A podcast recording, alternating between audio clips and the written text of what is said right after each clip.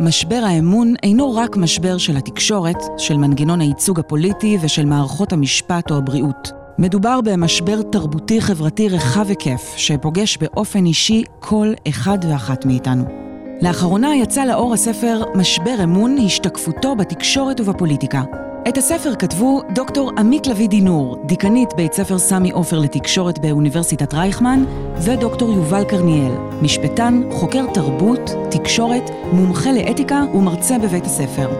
לכבוד השקת הספר נקיים שיחות עם אנשים מעולמות הפוליטיקה, התקשורת, המשפט והרשתות החברתיות, כדי לבחון איפה זה פוגש אותם ולנהל שיחה על משבר האמון והשלכותיו.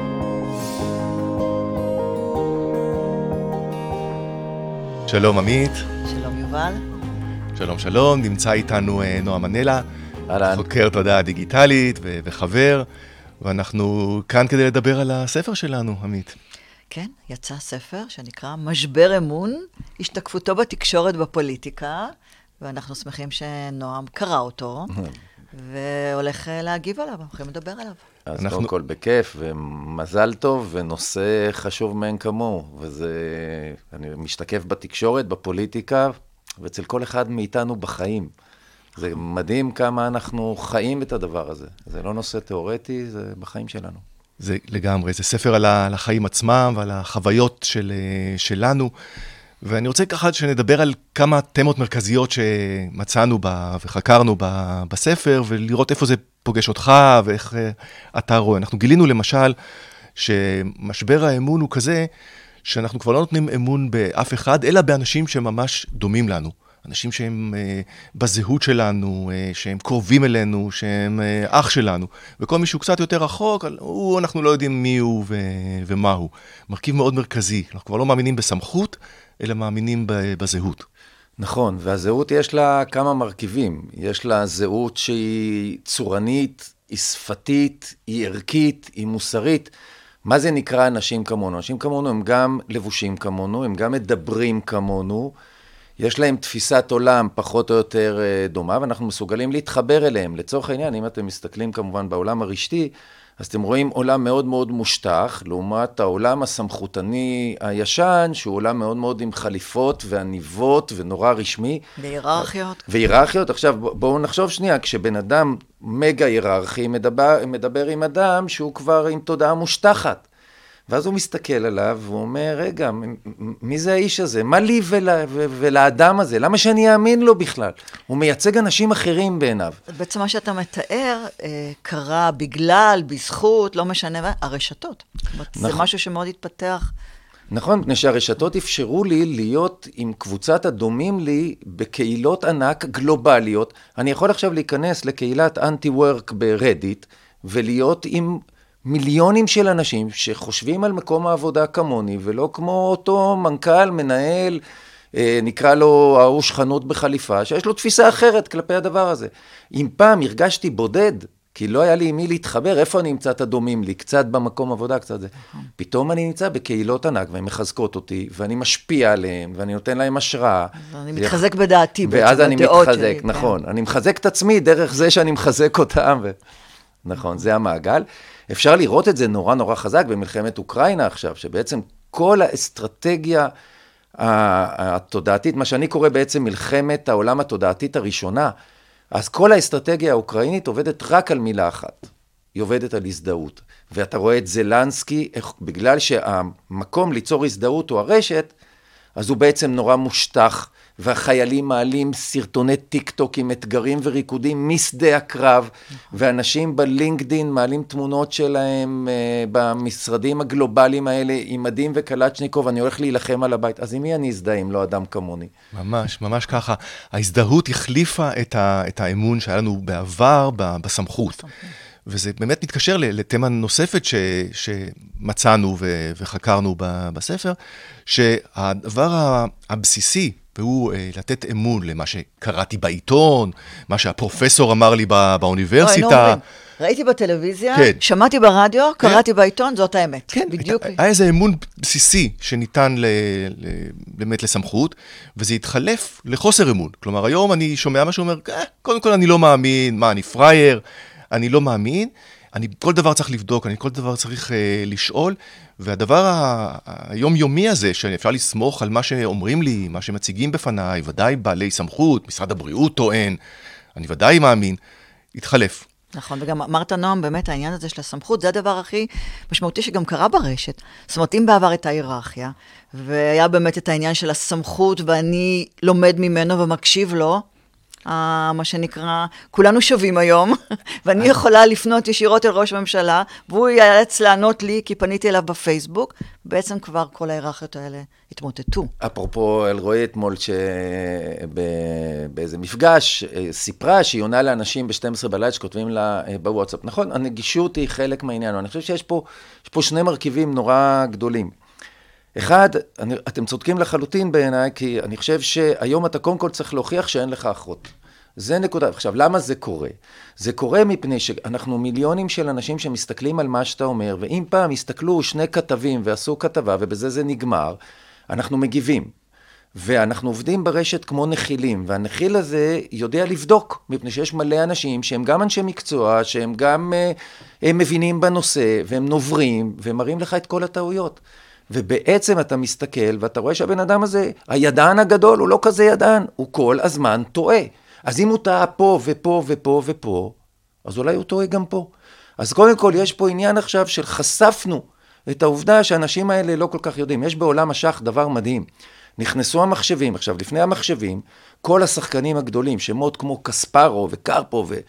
ופישר וזה, כתבו את ההערכות שלהם, וזה היה כזה ראה וקדש. ובא המחשב, והוא פורם דבר אחרי דבר, הערה אחרי הערה, אז אתה בעצם מבין שהם ידעו, אבל זה לא כזה וראה וקדש.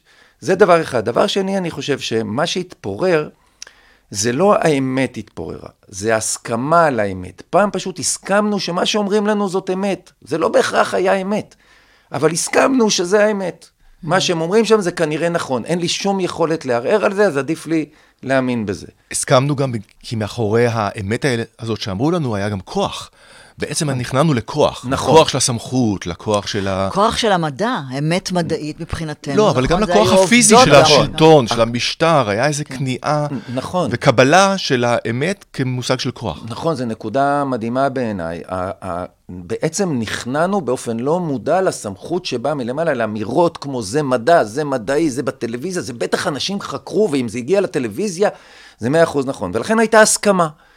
והרשתות, מה שהם עשו, הם בעצם פרמו ופוררו את ההסכמה הזאת, והיום אין הסכמה על כלום, ולכן הדיפולט של הדבר הזה, תוכיח שאתה צודק. וכל פעם שאני שומע את הפרויקטור הזה של הקורונה, או את אנשי הקורונה מדברים, ורוצים שנלך להתחסן, מה שאני שומע זה איך הם מייצרים במו פיהם עוד מתנגדי חיסונים.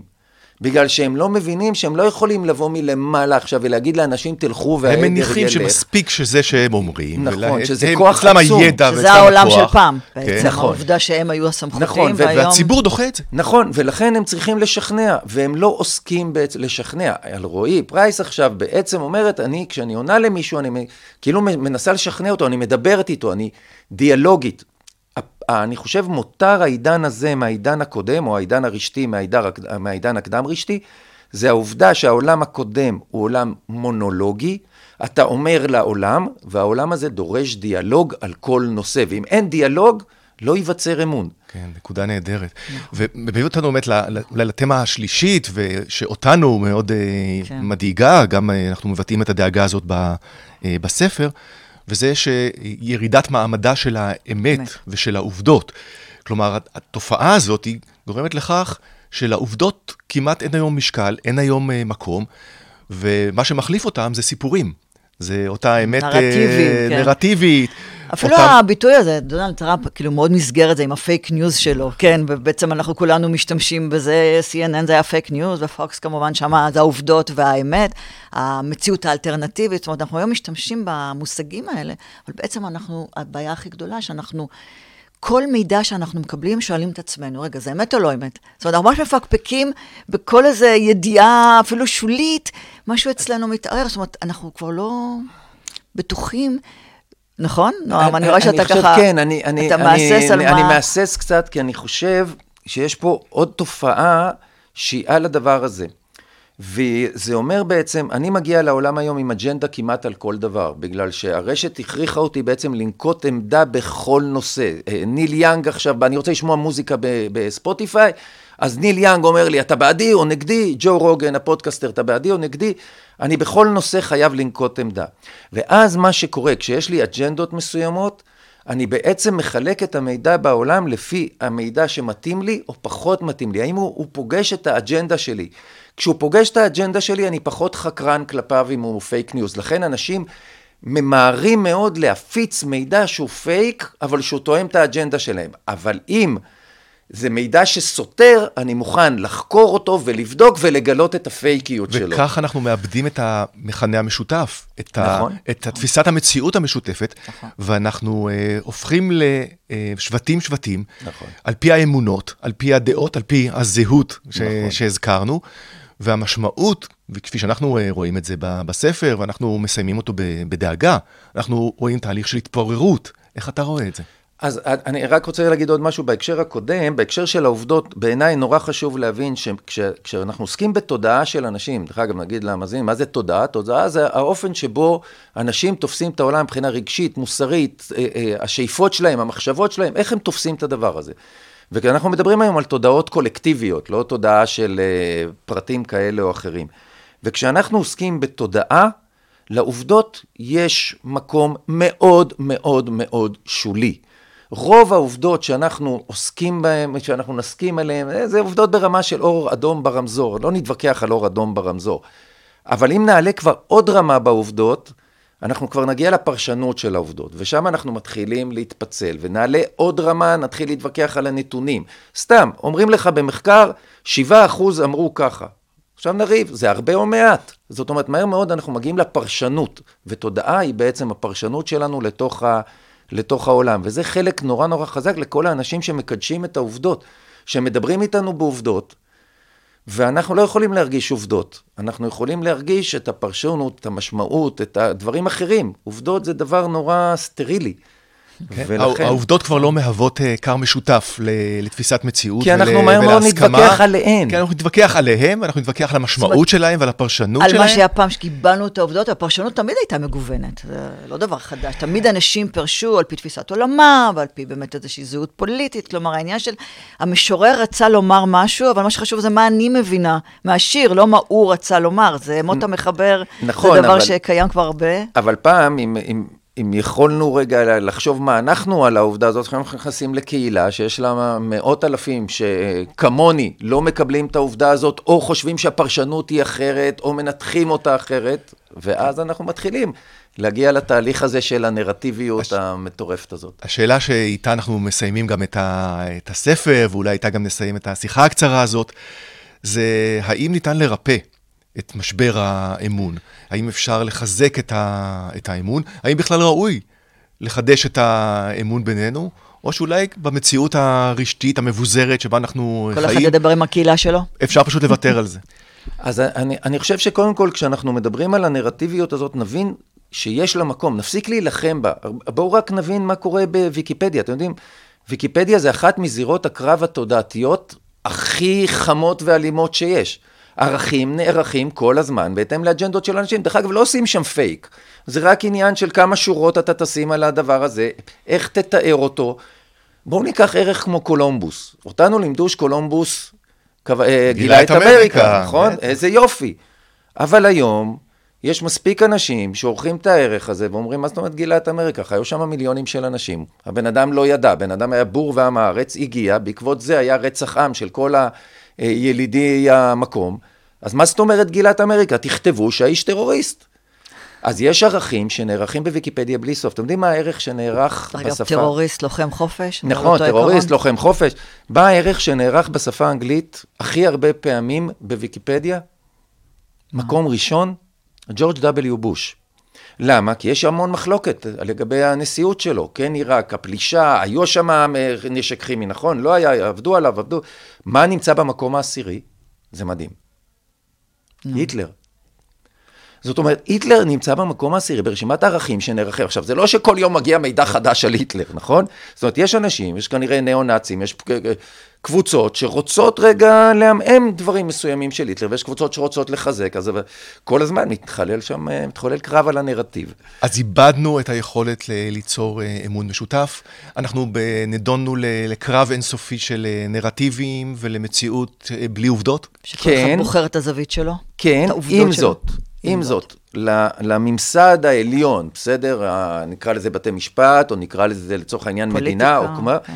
יש אפשרות לנקוט באחת משתי אסטרטגיות עיקריות. אחת זה אקסקלוסיב, זה בעצם מה שקרה לדמוקרטיה בעשרות שנים האחרונות. יש מעט אנשים שנהנו ממשאבי הדמוקרטיה, זה האגו והכסף והמקום והמעמד והיכולת לדבר אל העולם, והרוב היו אינקלוסיב, היו מודרים, מה שנקרא.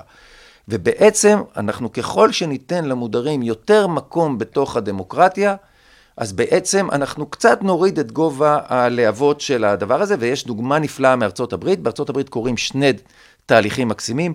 אחד, בעקבות מה שאמרנו על קולומבוס, באלף, נדמה לי אלף, משהו כמו עשר מדינות, כל, החג הזה שנקרא Columbus Day, נעלם. פשוט העיפו חגים מתים, אבל גם חג נולד. המדינה הפדרלית יצרה את ה Juneteenth, 19 ביוני, שזה יום שחרור העבדות, וזה חג פדרלי עכשיו, וזה חג שנותן מקום להרבה מאוד אנשים, וככל שניתן יותר מקום, אז אני חושב, נוריד טיפה את הלחץ. לא כן. נפתור את הבעיה הזאת, אבל נוריד טיפה את הלחץ. זאת אומרת, הפער בין השכבות החלשות לבין מה שנקרא הגבוהות, ילך ויצמצם, כי פתאום הם יקבלו יותר מקום. הביטוי שלהם, בסמלים ובעמדות ההשפעה והכוח, נכון? אני חושב שזה מאוד מתחבר לאחת התובנות המרכזיות שלנו גם במסקנות. שהפתרון הוא במידה רבה בדמוקרטיה שיתופית, בשיתוף רחב יותר, מלא יותר, של אזרחים, של ציבור רחב. נעלם המקום הזה של סמכות אה, בלעדית, של אליטות, והיום בעולם, כדי ליצור אמון, צריך לשתף. ולשתף אה, את הקהלים הרחבים. ובאמת, תודה נועם, אנחנו שמחנו לשתף אותך בשיחה הזאת שלנו. תודה רבה על אה, התובנות. בכיף, תודה לכם, ובהצלחה עם הספר. חשוב מאין כמוהו. תודה, תודה.